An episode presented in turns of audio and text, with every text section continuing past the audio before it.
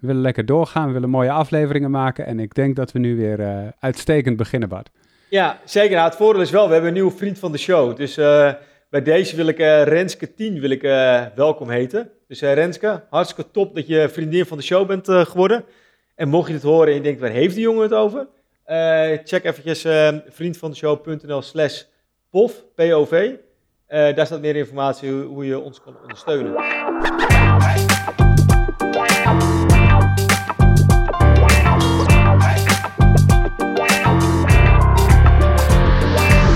Hey, leuk dat je erbij bent. Welkom bij een nieuwe aflevering van een podcast over voeding. En in deze podcastserie gaan we in op hypes en trends, voeding, kindervoeding, beleid en onderzoek. Van alles en nog wat rondom voeding, zoals je van I'm Foodie gewend bent. En vandaag hebben we te gast Kelly Selverio. Kelly, welkom. Ja, dankjewel voor het uitnodigen. En uh, Bart Mol van I'm Foodie, die is er natuurlijk ook gewoon. Hoi Bart. Hallo, goeiedag. En uh, Kelly, ja, als je, als je denkt van die naam, die ken ik ergens van, die heb ik al eens voorbij horen komen. Dat klopt. Ellen Kampman uit seizoen 1, die tipte dat we zeker uh, met haar moesten praten. Dus bij deze. En uh, waarom zouden we met Kelly moeten praten? Nou, die weet alles over smaak- en geursturing in relatie tot bijvoorbeeld kanker en COVID. Dus in deze show krijg je als het goed is antwoorden op hoe, waarom en praktische tips daaromtrent. Maar um, voordat we daar zijn, Kelly, beginnen we altijd waar we altijd beginnen. Namelijk, wat is je grootste voedingsfrustratie van de afgelopen tijd? Nou, wat, ja, wat mijn grootste voedingsfrustratie is, is eigenlijk dat uh, heel veel mensen last hebben van, uh, van smaakverandering. En uh, dat daar eigenlijk nog relatief weinig aandacht voor is. Je bedoelt dus... door, door, door COVID dat heel veel mensen een andere smaak hebben? Of doe je überhaupt in het algemeen? Ja, ik denk, ik, ik, zie vooral patiënten met kanker die last hebben van smaakverandering. Maar ook bij COVID uh, is het een symptoom wat, uh, wat veel voorkomt. En eigenlijk als je als patiënt of als uh, mens dat bij de arts aandraagt, dan is er eigenlijk niet echt een oplossing voor. En nou ja, dat vind ik frustrerend, want ik wil graag dat mensen goed eten en daar ook nog van kunnen genieten. maar we hebben daar nog niet zo heel veel voor. En heb je, heb je ook een beetje beroepsdeformatie als je in een restaurant zit dat je hoort mensen klagen, oh ik vind het niet lekker, of het smaakt niet, of ze pakken gelijk peper en zout en ze gooien dat over het eten heen. Dat je denkt, nee, niet doen, niet doen. Je kan nog dit, dit en dit doen, of hoe, uh, hoe, hoe, moet ik dat zien? Uh, nee, dat heb ik niet zozeer, want ik denk uh, iedereen die heeft zijn eigen ja, smaakdrempels, dus hoe die dat ervaart. En als jij gewend bent heel veel zout op je eten te doen, dan ga je dat op een gegeven moment steeds minder proeven, waardoor je meer zout gaat gebruiken. Um, dus ik denk, ja, dat is voor iedereen individueel. Dus daar stoor ik me gelukkig niet zo aan. Nee. Nee, want ik heb ook wel eens begrepen dat het een beetje een belediging voor uh, de kok is. Dat als je gelijk uh, begint met uh, peper en zout begint te strooien op je eten, als het ja. wordt, net wordt neergezet. Ja, dat, dat kan ik me wel voorstellen. Ja, dat zou ik als ik thuis kook ook hebben. Van, nou, proef eerst, ik heb hier mijn best op gedaan, dus proef dat eerst even en je kan altijd nog bijsturen. Ja, precies. Dat lijkt me ook logisch. Maar aan de andere kant, het staat wel bij restaurants altijd, altijd op tafel. Dus dat is wel een soort hint van, je kan het gebruiken als je wil. Dus, ja, ja, ja. Je kunt altijd nog uh, smaak toevoegen, maar het smaak eraf halen, als het te sterk is op, uh, op smaak, dat, dat kan dan weer moeilijker natuurlijk. Dus uh, misschien dat vanuit die gedachte je altijd zout of peper wat kunt toevoegen. Ja, en als je, als je smaak veranderd is, kun je dan eigenlijk nog makkelijk naar een restaurant? Omdat je dan zeg maar, niet altijd weet welke smaken je krijgt. En het is dan veranderd, dus misschien proef je dan totaal iets anders. Ja, ja dat klopt. En uh, dat is ook best wel frustrerend, kun je je voorstellen. Want het is niet alleen als je naar een restaurant gaat. Maar het is al ochtends bij uh, je ontbijt, uh, smiddags, tussendoortjes. Alles smaakt ineens anders. Of kan anders smaken dan dat je gewend bent. Dan dat in je smaakgeheugen zit, als het ware. Um, dus het is goed om even een stapje terug te gaan en te kijken naar wat is er precies veranderd en wat proef ik nog wel? Uh, wat herken ik nog wel? En voor sommige mensen is dat bijvoorbeeld een van de basissmaken, zoet of zuur, uh, dat ze daar een hele uitgesproken voorkeur voor hebben, of juist een hele uitgesproken afkeer tegen hebben. Uh, en, en daarmee ga je dan eigenlijk kiezen.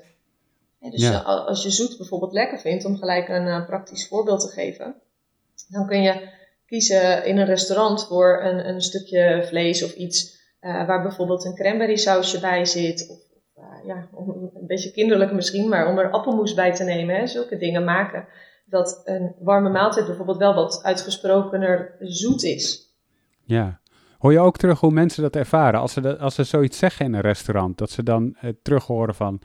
Wat is dat voor raas? Waarom doe je dat? Dat, zeg maar, dat er onbegrip is. Krijg je dat wel eens terug, dat dat zo is? Ja, nou niet vanuit een restaurant, maar ik hoor wel eens terug aan de adviezen die ik geef aan mensen die niks meer proeven. Uh, dat bijvoorbeeld de omgeving zegt van, nou ja, wat, zijn dat voor rare adviezen, weet je wel. Um, een, een, voorbeeld is um, een vettig mondgevoel kan ook heel veel doen voor je smaak. En dat je dan zegt, nou ja, ja, iemand is gek op nasi, maar het smaakt helemaal niet meer. Nou, doe eens een klontje mayonaise door die nasi. En dan zie je wel eens dat een partner of een dochter zegt van, uh, nou, dat gaan we echt niet doen. Dat uh, vind ik een beetje te gek. Terwijl ik denk, ja, probeer het gewoon. En misschien smaakt je nasi daarmee weer zoiets, ja, zoals je het vroeger uh, lekker vond. Ja. ja. Dus door dat een klein beetje aan te passen. Dus je hebt wel een beetje weerstand en mensen die houden niet zoveel van verandering. Maar soms moet je veranderen om weer iets te kunnen, te kunnen proeven of te kunnen waarnemen van dat eten. Ja, nou, even een, een, stap terug, want ik had het net over smaaksturing. En ik denk dat er ook wel mensen luisteren die denken: hè, wat is dat dan? Dus laten we daar even beginnen, Kelly. Wat is smaaksturing? Nou, smaaksturing is een, een soort oplossing voor als je last hebt van smaakverandering. Als je niets meer proeft, of je proeft een bepaalde smaak niet goed meer, of je hebt dus juist daar een afkeer tegen. Um, dan kun je door middel van smaaksturing uh, smaken versterken. Dus letterlijk doe je bijvoorbeeld wat azijn in je maaltijd om hem zuurder te maken. Of mhm. je voegt wat salami toe, of wat uitgebakken spekjes aan je maaltijd om zouter te maken. Daarvoor moet je natuurlijk wel weten wat je, wat je voorkeur is. Dus uh, daarom is de uitgangsvraag van wat proef je nog wel?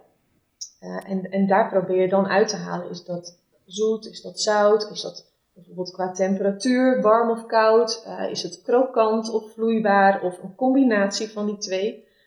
Um, en, en daar probeer je op te sturen. Dat is eigenlijk wat smaaksturing inhoudt. Oké, en in welke vorm neemt dat dan vaak aan? Want je zegt het kan van alles zijn, het kan op allerlei gebieden veranderd zijn. Wat zie je vaak? Is ja, het vaak uh, wat is er vaak weg en wat blijft er? Dat is uh, het allerleukste van smaakveranderingen, is dat het echt alle kanten op kan gaan. He, dus uh, zelfs in een groep mensen die ik dan zie, met hetzelfde soort chemotherapie, met dezelfde behandeling, met dezelfde aandoening, die hebben nog van A tot en met Z uh, verschillen in wat zij wel en niet proeven. En um, mensen met een tumor in hun keel of mondholte, die worden daar ook op bestraald. Die krijgen mhm. daar blaren. En hun smaakverandering is wel wat vaker dat ze bijvoorbeeld hele neutrale smaken alleen maar kunnen eten, doordat ze die blaren hebben. Dan kun je je voorstellen dat peper, en chili en sambal, dat het niet zo handig is om te gaan nemen. Uh, tegelijkertijd proeven zij ook heel weinig meer van zoet of zuur of zout of bitter. Uh, dus dat, is altijd lastig om daarin te schipperen. Van wat doe je dan wel of niet nog aan smaaksturing? Maar je kunt altijd ook nog denken aan die temperatuurverschillen um, en, en uh, mondgevoel. Dus dat je um, bijvoorbeeld wat croutonnetjes in de soep doet. Hoe neutraal um, op smaak die soep ook is, dat je dan toch een beetje dat mondgevoel hebt. Waardoor je toch een beetje smaak beleving nog hebt. Want wat is het verschil dan tussen uh, smaakproeven en smaakbeleving? Beleving is ook structuur en zo, is, is dat het? Ja, zo zou je dat kunnen zien. Ja, de structuur en, en de geur die er ook bij zit. Dus bijvoorbeeld met knoflookolie kun je wat meer geur toevoegen. Um, de structuur ja, en het mondgevoel en de prikkeling eigenlijk. Dat is dan als eten pittiger is of niet. Ja. ja. En is het zo dat um, bij, of we zoomen nu even in op kanker, zeg maar, of verschillende kankers, wat je net noemde, mhm. dat die mensen zijn dan bestraald of die hebben chemo en die hebben dan helemaal geen smaakpapillen meer over door, door, door, door, de, door de chemotherapie, et cetera. En hebben ze dan nog wel hun geur als dat ze nog wel dingen kunnen ruiken, zeg maar, dat ze nog wel weer die smaakbeleving hebben? Of is alles dan uit, uit, uitgeschakeld? Dat ze wel eten, maar dat ze eigenlijk helemaal niet weten wat, wat, ja, wel wat ze eten, maar dat ze er geen beleving meer bij hebben. Ja, met chemotherapie, uh, kijk, dat, dat, dat uh, beschadigt eigenlijk de sneldelende cellen in het lichaam. Dus de, de tumorcellen, de slechte cellen, maar ook bijvoorbeeld de cellen van uh, je haarzakjes. Hè, daar, daardoor kun je haaruitval krijgen. En zo zijn ook je geur en je geurreceptoren en je smaakpapillen, dat zijn eigenlijk sneldelende cellen. Dus als, dat, als je chemo hebt gekregen, dan is het logisch dat daar een beschadiging in optreedt. En dat uitzicht dan in niet meer kunnen proeven of ruiken of, of minder of anders. Um, die smaakpapillen die kunnen zichzelf hernieuwen en dat duurt ongeveer 7 tot 10 dagen. Dus vaak als mensen een chemotherapie krijgen of een behandeling daarmee, krijgen ze vier kuren of zes of acht of nog meer. En die worden dan elke drie weken gegeven, als voorbeeld. En dan merk je echt, als je in de eerste week vraagt, wat proef je, dan proeven ze niks. Of, of alles staat tegen. In de tweede week wordt het al ietsje beter. En in de derde week eten ze eigenlijk wel weer nou ja, wat ze gewend zijn om te eten. En dan begint het weer opnieuw. Maar je kunt je ook voorstellen dat als je zes keer zo'n cyclus doorloopt, dat het op een gegeven moment steeds ietsje langer gaat duren. Ehm, en dat de schade soms deels uh, niet hersteld wordt. Ja, dan kun je langere tijd ja, last hebben van die smaakveranderingen. Je bedoelt niet hersteld, dat komt dan nooit meer terug?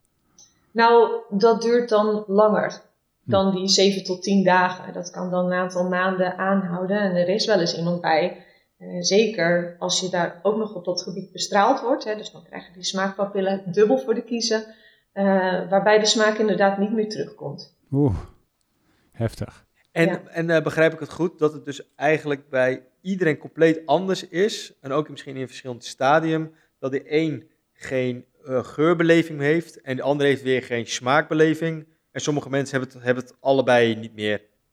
Ja, ja, dat klopt. Ja. En als iemand dus nog wel geur heeft, maar geen smaakbeleving, dan kun je dus meer focussen op, op uh, eten dat ruikt, hè, om het zo maar te zeggen. Um, warme gerechten die, die geven meer geur af dan koude gerechten. En als mensen zeggen, ja, als ik de geur ruik, dan word ik al misselijk, dan wil je juist weer koude gerechten adviseren. Dus da daarom is het zo'n sleutel eigenlijk om te vragen wat iemand ervaart. En wat nog wel lukt en wat zeker niet lukt. Oké, en hoe, uh, doe je, hoe doe je dat dan? Heb je een bepaalde standaard aanpak om dus dat uit te kristalliseren? Dus moet ik meer, meer focussen op de smaak of meer focussen op de geur? Um, meestal zeggen mensen helemaal niet dat ze last hebben van hun smaak. Uh, dan werk ik als diëtist in een ziekenhuis, dus ik vraag wat mensen eten. En uh, als, dat, als dat heel weinig is, of bijvoorbeeld heel eenzijdig is, dan vraag je hoe komt dat? En uh, nou ja, dan zeggen mensen ik heb gewoon geen trek. Dus als je, en als je dan doorvraagt, dan komt aan bod van, oh ja, nou ja, het smaakt me eigenlijk niet. Niks smaakt meer, zeggen mensen vaak. Nou, dan ga je de dag doorlopen van, wat smaakt er dan niet meer? Smaakt de yoghurt niet meer? Smaakt het brood niet meer? Smaakt de koffie niet meer? Smaakt fruit niet meer? Nou ja, dan, ga je iemands normale patroon door en kijken wat er nog wel en wat er nog niet smaakt. Uh, er is altijd wel iets. In mijn ervaring is er altijd wel iets wat nog wel smaakt. Ja, en daarmee ga je aan de slag natuurlijk. En het is goed om dan door te vragen en voor jezelf te weten, waar let je op? is het bijvoorbeeld soep? Is dat, nou ja, dan denk je al, oké, hartig en vloeibaar en warm. Dat gaat dus blijkbaar nog. En wat zit er dan nog meer in die hoek wat je kunt adviseren? Dus zo gaat dat eigenlijk, dat uh, beredeneren daarachter. Ja. En, uh, en, dat heeft zich vertaald in een smaakkompas. Heb ik dat goed begrepen? Want da daar ben je ook mee bezig geweest, toch? Of dat heb jij ontwikkeld? Ja, Um, vorig jaar was er een uh, Voeding NL-congres en uh, daar, daar, was een prijs mee te winnen, een posterprijs uh, voor een innovatief idee in de zorg. Dat hoefde niet per se wetenschappelijk onderzoek te zijn. En ik liep al eigenlijk jaren in mijn ervaring tegen die smaakverandering aan. Want mijn patiënten die hebben last van misselijkheid. Dan krijgen ze een tabletje tegen de misselijkheid. En ze hebben last van pijn, van die blaren. Dan krijgen ze een tabletje tegen de pijn. Maar die smaak, daar, daar is niks voor. Uh, daar was ook geen voorlichtingsmateriaal voor of nog niet zo uitgebreid. Er zijn wel heel veel koks in smaaksturing gespecialiseerd en die hebben ook wel kookboeken daarvoor. Maar dan zag ik mijn patiënt in de wachtkamer of in de spreekkamer. En die zeiden, ja, ik heb helemaal geen energie voor dat kookboek. En uh, nou, dan heb ik een uur gekookt en dan smaakt het nog niet. Dus ze hadden echt eigenlijk een, een, een beetje een handje nodig, om het maar zo te zeggen. Uh, van wat is dan jouw smaakvoorkeur en hoe kan je dan dat kookboek toepassen? En dat is eigenlijk wat het smaakkompas is. Dus het geeft hele makkelijke adviezen. Uh, het gaat vooraf door een vraag van wat proef je nog wel? Proef je niks meer? Proef je alle dingen anders? Of proef je juist heel erg veel? En dan gevolgd door adviezen om juist dingen te neutraliseren of om zoet, zout, uh, zuur en bitter toe te voegen. Of de vijfde smaak, de umami smaak. Een beetje de smaak van ketchup eigenlijk. Uh, Chinese restaurantsmaak noem ik het maar even. um, en dus ook de geur en de structuur en uh, dat mondgevoel. Dus en dan in hele praktische adviezen. Dus inderdaad de mayo bij de nasi. Um, neem uh, neutrale aardappelpuree. Of voeg juist wat, wat bieslook of wat kruiden toe. om dingen meer op smaak te krijgen. En dat smaakkompas, is dat een, is dat een uh, folder of is dat een website of is dat een app? In welke, welke vorm heeft dat? Het is letterlijk een kompas. Dus je kunt het in je hand hebben. Mm -hmm. Je kunt eraan draaien. Er zitten verschillende vakken op. Met dus de gebundelde adviezen voor zoet, die staan in een vak. Gebundelde adviezen voor zuur, die staan in een vak, enzovoort, enzovoort. En je kunt eraan draaien. En wat het leuke daar natuurlijk van is, is dat daarin ook een beetje versleuteld zit dat je smaak ook geen dag hetzelfde hoeft te zijn. Mm Dus mensen hebben ook nog eens last van dat het, uh, gisteren ging een zure haring prima, was het lekker en fris. En, en morgen smaakt het helemaal niet meer, smaakt het als oud karton. Of uh, oud papier of karton. Ja. Dus door daaraan te draaien kun je ook elke dag uh, andere tips opvolgen en, en proberen waar dan je smaakvoorkeur ligt.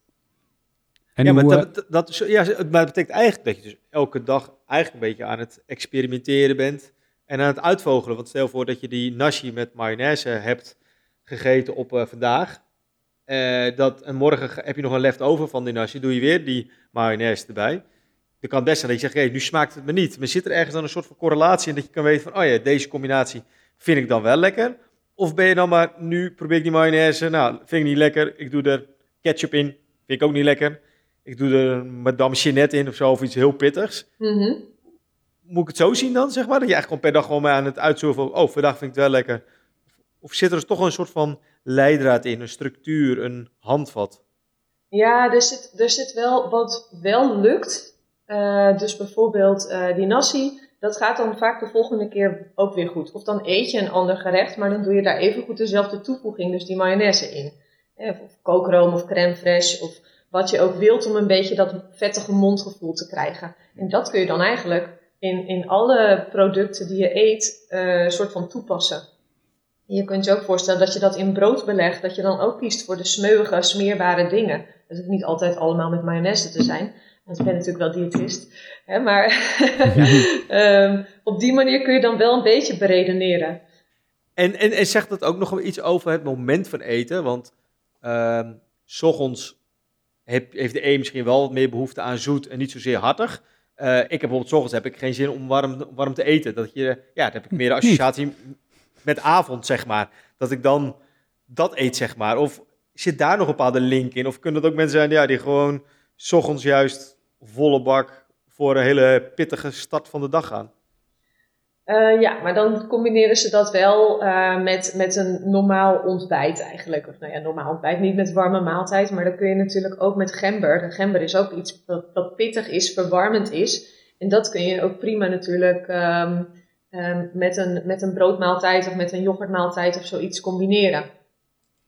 Dus dat hoeft niet per se in je warme maaltijd te, te zitten. Maar er zijn wel mensen die zeggen: Ik eh, word in de loop van de dag uh, zo moe, zeker in zo'n intensieve behandeling, dat ze s'avonds het warme eten niet meer op kunnen brengen, ook qua energie. En die verplaatsen dan die maaltijd wel eens naar bijvoorbeeld een middagmaaltijd.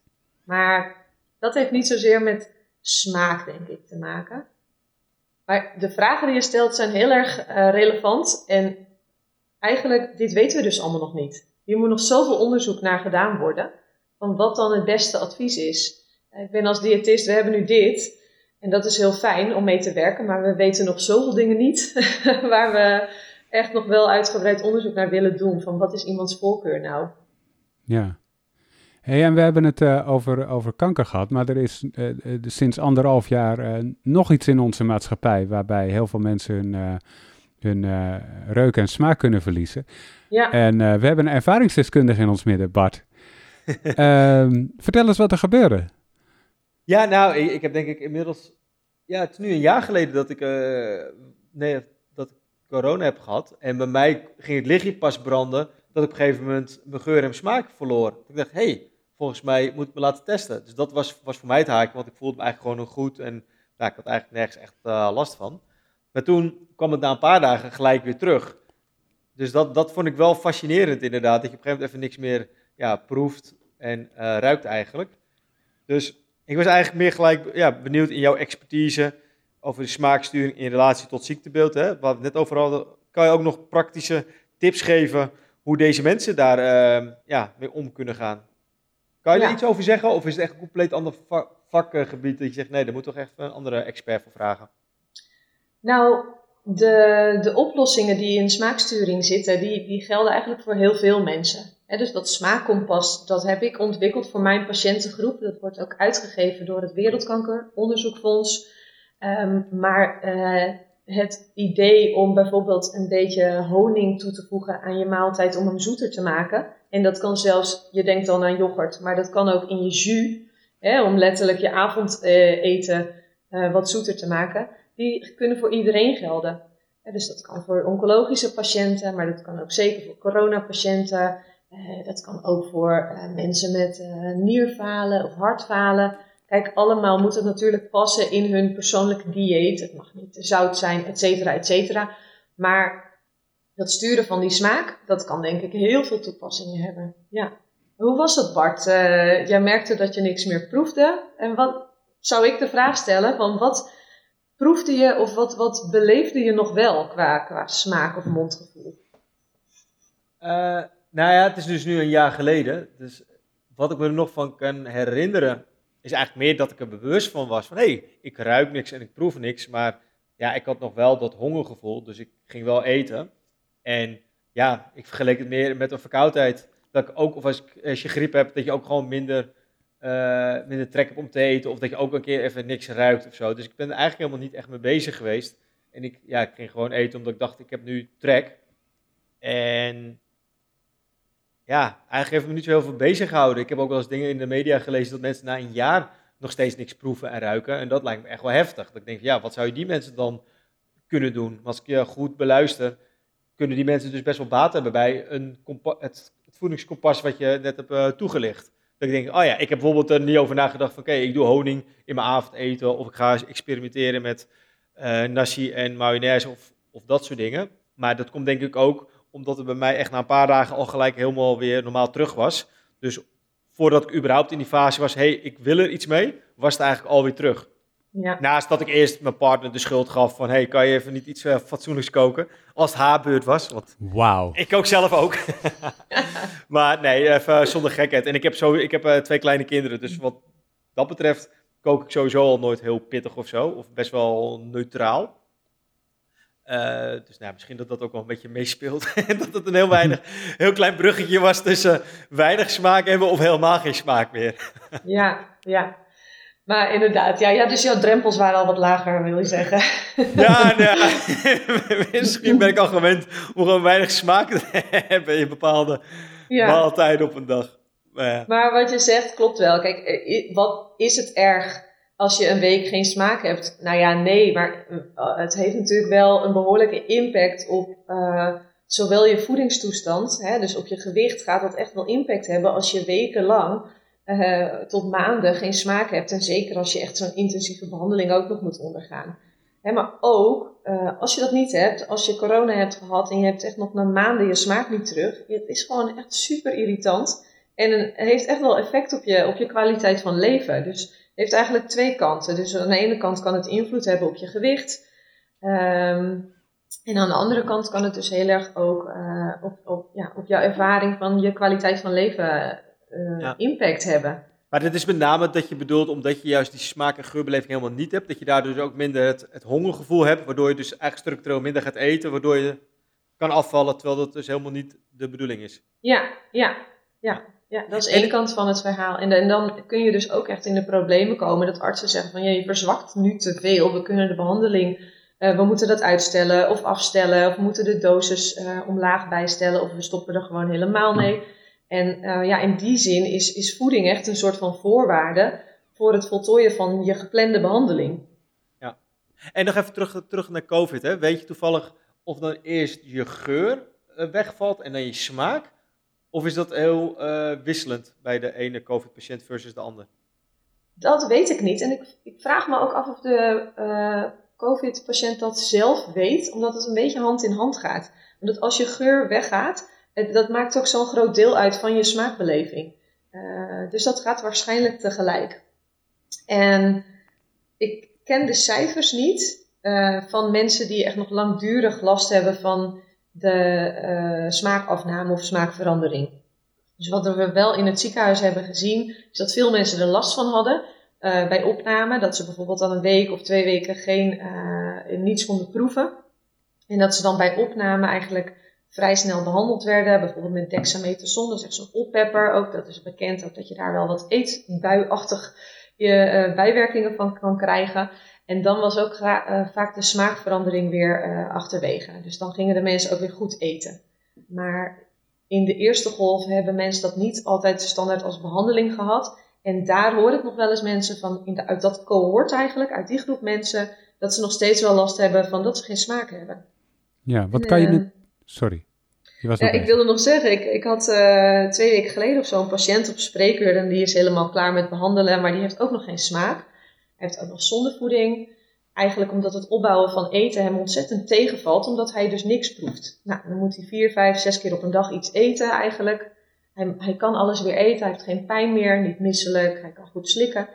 Maar het, het smaakt hem gewoon niet. En hij zei, in mijn vriendengroep zijn er dan mensen die zich niet laten vaccineren, hè, omdat, omdat ze daar hun redenen voor hebben. Maar hij zegt echt, als zij wisten hoe het is om zonder smaak te moeten leven, dat is echt uh, verschrikkelijk. Hij zegt, ik snap ook niet zo goed waarom ze, waarom ze dat willen riskeren. Ja. Uh, en dat vond ik wel, ja, een eye-opener van, oh ja, zo had ik daar nog nooit tegen aangekeken. Maar ja, dat geeft me wel aan hoe belangrijk dat smaakverlies eigenlijk wordt gevonden. Ja, Dus, dus, dus het is eigenlijk een heel interessant argument binnen die hele discussie van de faxes versus de antifaxers. Dat ze het elkaar willen begrijpen. Of dat ze allebei andere argumenten hebben waarom je het wel doet of niet doet. Waarbij dit eigenlijk wel een hele interessante invalshoek is van... als je het niet laat vaccineren en je krijgt corona... dan loop je het risico tot ja, langdurige reuk- en smaakverlies. Wat uiteindelijk, ja, ik denk toch heel veel mensen wel een belangrijk aspect is. Dat het kwaliteit van leven is. Dat je lekker uit eten gaat. En dat je juist kan genieten van het voorhoofd of zeker het nagerecht.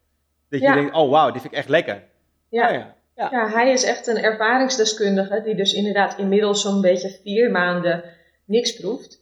En hij zegt echt, ik kan niet geloven dat mensen dit willen riskeren. Uh, voor uh, nou ja, de redenen die zij hebben. Uh, je kunt het niet eens zijn met beleid, et cetera. Maar ja, als je het wel krijgt, dan zit je hier wel mee. Of dan ja. heb je wel dit risico. En, en, kan je het op een bepaalde manier ehm, si simuleren? Zijn er ja, bepaalde koekjes of dingetjes dat ik... Ik heb gewoon mijn geur en mijn reuk heb ik. Maar dat ik iets kan eten dat ik denk, oh ja, zo, zo proeft het eten voor mensen die dus niet die geur en smaak hebben? Ja, um, dat kan, want er is een stichting, dat heet de Hunger and Thirst uh, Stichting. Je zou dat kunnen googlen. Die hebben koekjes ontwikkeld um, waarmee je dus eigenlijk kan ervaren wat iemand proeft als die chemo heeft gehad. Dus uh, je smaakverandering bij chemotherapie, hoe eten dan smaakt, tijdelijk hopelijk. Um, dat kun je dan ervaren als je zo'n koekje eet. Dat zijn speciale ATE-koekjes en ja, die zijn ook te bestellen, denk ik. Uh, Weet ik niet zeker. Maar uh, daarmee kun je dat dus wel ervaren. Ja, ja nou, dan uh, zullen we de link even in de show notes zetten. Dat ja. mocht iemand denken van, joh, ik wil een keer kijken hoe, hoe, hoe dat is, dan kun je misschien die koekjes bestellen. Ja. Eigenlijk wil je omgekeerde koekjes hebben. Hè? Dus dat mensen die wel die smaakstoring hebben, dat die dan koekjes kunnen eten die altijd goed smaken. Maar dit, is, dit is dus, als je wel gewoon goed proeft, kun je ervaren wat zo iemand met smaakverandering meemaakt. En uh, ja, dat, dat kan wel een eye-opener zijn. Hè? Vooral tussen partners is het super frustrerend. Uh, uh, dat je, want ik zie mijn patiënten vooral op spreekuur polyklinisch. Dus die zijn gewoon elke dag eten ze thuis. Ze zijn niet in het ziekenhuis. Um, dus ja, vaak komt dat dan, dan toch op de patiënt zelf of op de partner neer. En hoe frustrerend is het dan? Uh, als je partner goed zijn of haar best heeft gedaan en, en, uh, en het smaakt weer helemaal niet. Ja, ja want um, ik ben zelf helemaal geen pittige eter. Maar uh, vrienden van mij die, ja, het maakt niet uit wat, wat ze eten, maar ze gooien er eerst heel veel pittige shit overheen. En maak je daardoor uiteindelijk dingen stuk op lange termijn? Dat je steeds pittiger moet eten om überhaupt iets te voelen. Want ja, ik ben helemaal geen pittig eten, dus al doe ik het, maak ik het ietsje pittig. Nou, dan staat bij mij gelijk mijn mond in de fik. En ik denk, oeh, wat is het heet? Terwijl bij andere mensen, ja, die gooien er echt enorme uh, pepers en dingen in. En die denken nog steeds van, oh, ik, ik proef niks. Oftewel, maak, maak zij iets kapot op langere termijn dan? Of hoe, hoe werkt dat? Ja, ik denk niet dat het kapot is, maar wel gewoon dat die drempel om het te, uh, te, te, proeven hoger uh, wordt gelegd. Dus dat, dat je dat ook weer zou kunnen afbouwen, uh, zoals mensen die toch wat minder zout moeten gaan eten, steeds een klein beetje minder zout toevoegen en daar dan weer aan wennen, in plaats van in één keer alles weg te laten. Dat zou je natuurlijk ook voor pittig kunnen doen, als je dat zou willen. Ik weet niet, nee, want, niet. Want, uh, want ik had begrepen dat juist bij kinderen, omdat ze toch nog heel jong zijn, dat al die smaaksensoren, of in ieder geval dat dat allemaal nog zo, ja, zo nieuw is, dat zij, wat voor ons neutraal is, dat zij dat als heel heftig kunnen ervaren. Ja, dus dan ja, heb ik in mijn hoofd dat ik wel denk van ja, hoe pittig je eet of zo. Of ja, dat je steeds die drempel gaat verhogen. Ja. Dat, ik noemde net al, Madame Jeanette is volgens mij meest pittige toch? Wat je hebt ja, ja, dat is echt zo'n hele hete peper, ja. Precies, dus stel voor dat dat triple X is, ja, dan duurt het even. Maar als je daar eenmaal zit, ja, dan kan je er niet meer overheen. Nee. pittigheid, lijkt me. Nee, nee, dat klopt. Maar ik, denk, ik weet niet of je, als je daar dan zit, als je, als je dat gewend bent om te eten, of je dan op een gegeven moment dat ook niet meer proeft. Dan weet ik niet. Of daar een soort van plafond aan zit. Ja. Experiment, maar het is wel zo. Ja, uh, ja ik, ben, ik, ben echt, nee, ik ben echt geen held, jongen. Als ik in een restaurant zit, in een Mexicaans restaurant, dan zie je toch altijd van die, die spicy dingetjes. Dan zeg ik echt ja. altijd van, not spicy, niet spicy, echt helemaal niks. En dan krijg ik het en dan heb ik nog steeds het idee dat ik helemaal in de fik sta. dat is echt een held. Maar ja, dat zal waarschijnlijk bij mij zijn. Dat, uh, je moet er niet met, uh, je moet met brood blussen, toch? Water drinken heeft helemaal geen zin, toch? Kijk, het, valt, het valt te trainen, maar de vraag is of je dat echt wil. Uh, dat hoeft natuurlijk niet. Ja, ja, water, melk. Ik, ik, daar, dat weet ik niet of wat nou echt precies helpt. en dat kan ook denk ik weer verschillend zijn per persoon. Ik vind het zelf lekker om melk dan te drinken, om het een beetje te blussen. Echt iets neutraals, wat een beetje zacht smaakt. Ja. Ja, maar ik wou zeggen... Um, als mensen uh, zo'n bestralingsbehandeling hebben gehad, en dan moet je je even voorstellen, dat is zeven weken lang vaak vijf keer in de week. Dus elke werkdag worden ze dan bestraald. Dus dan ben je bijna twee maanden mee bezig, dan ben je klaar, dan is het eigenlijk helemaal kapot van binnen. Dus ook mensen die daarvoor heel erg pittig aten, die beginnen weer echt met zo'n smaakdrempel van nul. Inderdaad, wat ik dan vaak wel zeg, is je moet het voorstellen dat dit nu is. Het, het slijmvlies, de bekleding van je mond en keel is nu echt als dat van een kindje. En, en dan, dan, begin je dus weer met, met eten en met smaken en, en steeds wat meer toevoegen. Uh, als je weer terug wilt naar wat je gewend was om te eten, en dat willen mensen natuurlijk vaak, dat er niks veranderd is, dat ze weer de oude worden. Um, dus dat, en dan is dat een hele lange weg om te gaan. Maar het is wel, denk ik, goed om dat een keer goed uit te leggen. En dat, dat hebben mensen uh, heel lang gemist in mijn, uh, mening. Daarom begon ik ook al van het is eigenlijk belangrijk om te herkennen en erkennen wat die smaakverandering uh, inhoudt. Ja. ja, maar met name ook voor de partners eromheen, denk ik. Toch? Dat die weten wat ze ervaren. Ja. Dat, ja. ja, dat is zeker. Dat is, dat is echt, nou ja, in mijn spreekkamer de uh, nummer één frustratie. Ja. hey, en even iets anders. Als je uh, morgen of overmorgen je smaak zou verliezen, wat, wat, wat kun je zelf dan doen? Is er een manier waarop je het kan trainen waardoor het sneller terugkomt? Is daar, uh, lukt dat of moet je gewoon uitproberen wat wel werkt en dat is wat je kan doen? Ik weet wel dat er bepaalde interventies zijn. Dat je bijvoorbeeld um, een bepaalde tijd, en, en dat uh, uh, houden jullie van me te goed, maar een bepaalde periode, ik dacht iets van tien weken of zo, dat je dan elke dag een aantal keer per dag aan bepaalde geuren ruikt en uh, bepaalde geuren proeft, om een soort van je smaakpapillen weer uh, te heractiveren. Maar van die interventie weet ik ook totaal niet of dat echt effect heeft of niet. Ik heb dat wel eens in de krant gelezen bij iemand die dat had geprobeerd en dat, waarbij dat ook niet was gelukt. Dus het is, het is geen garantie voor succes om zoiets te doen. Maar ja, er worden wel steeds meer van dat soort initiatieven bedacht. En zeker ook door corona um, ben ik zelf blij dat, het, dat er überhaupt gewoon meer aandacht voor is. En dat er dus ook dat soort oplossingen worden ontwikkeld. En ook al zijn ze nog niet helemaal goed, dat is altijd in het begin van een nieuwe technologie, een nieuwe techniek. Um, ja, het is het begin, denk ik. En ik, ik, ik had nog even een, een afsluitende vraag. Is het zo bijvoorbeeld ook bij die oncologische patiënten, misschien ook wel COVID, dat heel je smaak wordt gereset? Dat ik ben van nature ben ik echt een zoete kou. Als ik naar mhm. een restaurant ga, ga ik eerst kijken naar het dessert. Van wat is het dessert? En als ik daar een lekkere optie zie, dan ga ik terugbladeren van nou, het hoofdgerecht dat uh, komt wel. Um, is het zo bij die oncologische patiënten dat ze dan uh, voor, die, voor de behandeling juist enorme zoete kou zijn en daarna juist, uh, misschien juist heel erg pittig gaan eten omdat ze dat, daar meer een voorkeur voor hebben? Ja, nou, um, om een voorbeeldje te noemen. Ik heb dus wel eens een patiënt gesproken en die zei, nou, niks, niks smaakt meer. Uh, dus zei ik, nou, wat, wat, wat smaakt er dan niet meer? Nou, bijvoorbeeld koffie. Koffie smaakt echt helemaal niet meer. En toen ging ik doornemen wat zij at en dronk. En dan was het echt, um, s ochtends begon ze dan met koffie. En dan oh, de loop van de dag nog een paar kopjes koffie. En dan s'avonds, ja, ook maar koffie. En dus hetgene waarvan zij zei dat het helemaal niet meer smaakte, dat was eigenlijk het enige wat ze binnenkreeg.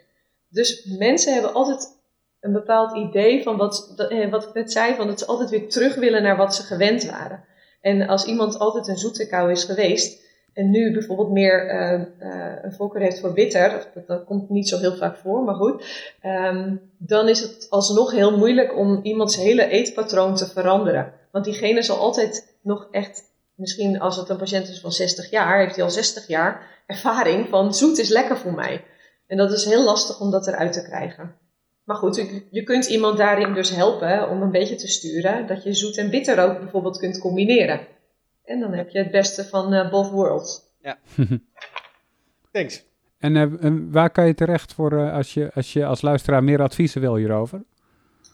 Nou, we hebben bij dat Wereldkankeronderzoeksfonds, en kijk, dat is gewoon een website, dus daar kun je gewoon terecht voor wel, wat je dan ook hebt. Als je iets meer wilt weten over smaaksturing, dan is er de website voeding en kankerinfo.nl slash smaak.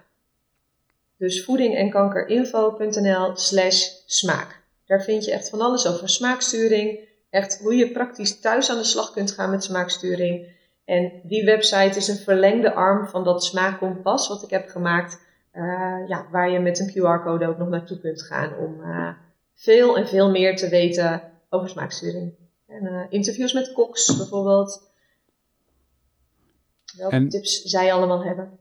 Yes, en ik hoorde ook iets over een reuk- en smaakcentrum in Ede.